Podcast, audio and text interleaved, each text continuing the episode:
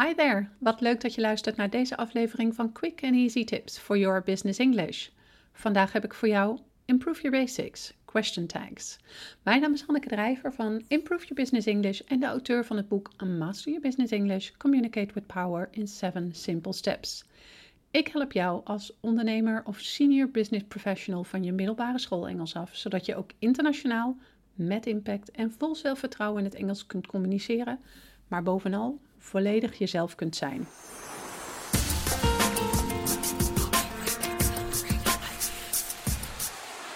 In de reeks Improve Your Basics ga ik aan de slag met verschillende onderdelen die samen de basiskennis vormen voor goed en professioneel zakelijk Engels taalgebruik.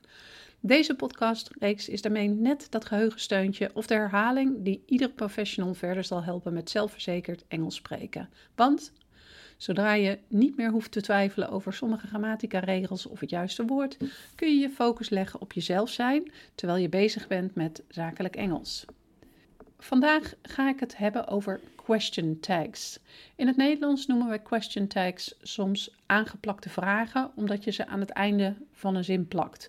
Het doel van een question tag is bevestiging vragen. In het Nederlands gebruiken we daar woordjes uh, voor, zoals toch of wel. Zoals bijvoorbeeld bij de vergadering is vanmiddag om drie uur, toch? Of jij bent nog nooit op het kantoor in Londen geweest, of wel?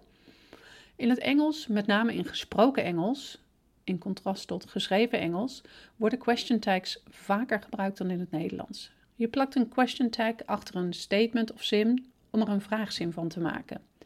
Daarnaast worden question tags gebruikt wanneer je er eigenlijk al van uitgaat dat degene aan wie je het vraagt het met je eens is omdat ze zo vaak voorkomen in het Engels, is het belangrijk om een goed beeld te hebben van hoe je zo'n Engelse question tag op een juiste manier in je zin gebruikt. Het werkt namelijk anders in het Engels dan in het Nederlands. Wanneer je een question tag wilt gebruiken in het Engels, moet je het onderwerp en het werkwoord van de zin herhalen. In andere woorden, ga je na om wie of wat het gaat en waarover. Stel je hebt de zin Our boss is nice en je zou achter deze zin graag een question tag willen plakken. Het onderwerp van de zin is boss en het werkwoord is is, oftewel to be. Allereerst is het dan belangrijk om na te gaan of het onderwerp, in dit geval our boss, enkelvoud of meervoud is. En in het geval van enkelvoud met welke pronouns het onderwerp graag aangesproken wil worden. Aan de hand daarvan vorm je vervolgens de question tag Our boss is nice, isn't she? Misschien is het je opgevallen dat de question tag ontkennend is, terwijl de hoofdzin zelf bevestigend is. Dat is precies hoe het werkt bij Engelse question tags. Eigenlijk pak je de tegenovergestelde zinsoort. Bevestigend wordt ontkennend en andersom werkt dit net zo. Ontkennend wordt bevestigend. Als de zin bevestigend is, wordt de question tag dus ontkennend. Je maakt een question tag ontkennend door er not bij te zetten. Dit woordje wordt vrijwel altijd als afkorting gebruikt, wat inhoudt dat je hem vastplakt aan het werkwoord en afkort van not naar n apostrof t. Our boss is nice, isn't she? These office buildings are really old, aren't they? Our colleagues have been working all day, haven't they? Als de zin zelf ontkennend is, wordt de question tag bevestigend. Your colleague can't help you, can she? Pete isn't at his office right now, is he? Daarnaast is het belangrijk om goed na te gaan welk werkwoord of welke werkwoorden er in de zin staan waar je een question tag aan wilt toevoegen. Bevat de zin de werkwoorden to be, am, are of it, of een hulpwerkwoord, bijvoorbeeld will, may, can, should of have, dan herhaal je die vorm in de question tag en dus niet het hoofdwerkwoord, zoals bij Our colleagues have been working all day, haven't they? They should take some time off, shouldn't they? They would like to move, wouldn't they? In alle andere gevallen gebruik je in de question tag het werkwoord to do. Dit wordt ook wel de dummy do genoemd. Your boss never talks about his personal life, does he? She loves her work, doesn't she? Susie fired John, didn't she? En let op, bevat je bevestigende hoofdzin I am, gebruik dan in je question tag aren't. Zoals bijvoorbeeld bij de zin I'm working really hard today, aren't I? Ik heb een stappenplan opgesteld, zodat je stap voor stap tot de juiste question tag kunt komen. Stap 1. Kijk naar het onderwerp van je zin. Ga bij jezelf na of het onderwerp enkelvoud of meervoud is. Is het onderwerp meervoud? Gebruik dan in de question tag they, we of you. Is het onderwerp enkelvoud?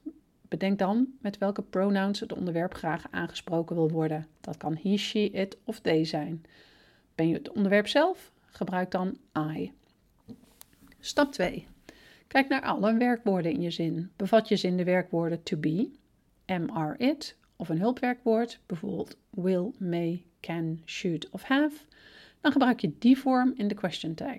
Bevat je zin andere werkwoorden, dan gebruik je de dummy do in de question tag. En let op, het is ook belangrijk om goed na te gaan in welke tijd, tegenwoordige of verleden tijd, je zin staat. Deze tijd neem je namelijk over in je question tag. Stap 3. Kijk of je zin bevestigend of ontkennend is. Remember, als je hoofdzin bevestigend is, wordt je question tag ontkennend. Is je hoofdzin ontkennend, dan wordt je question tag juist bevestigend. Ter afsluiting lees ik de bevestigende en ontkennende question tags van het werkwoord to be voor. Neem vooral een kijkje op de website bij het podcastartikel, want daar vind je een duidelijk overzicht van verschillende werkwoordsvormen en de bijbehorende question tags. I am, aren't I? I'm not, am I? You are, aren't you? You're not, are you? He is, isn't he? He's not, is he? She is, isn't she? She's not, is she? It is, isn't it? It is not, is it? They are, aren't they? They're not, are they? We are, aren't we? We're not, are we?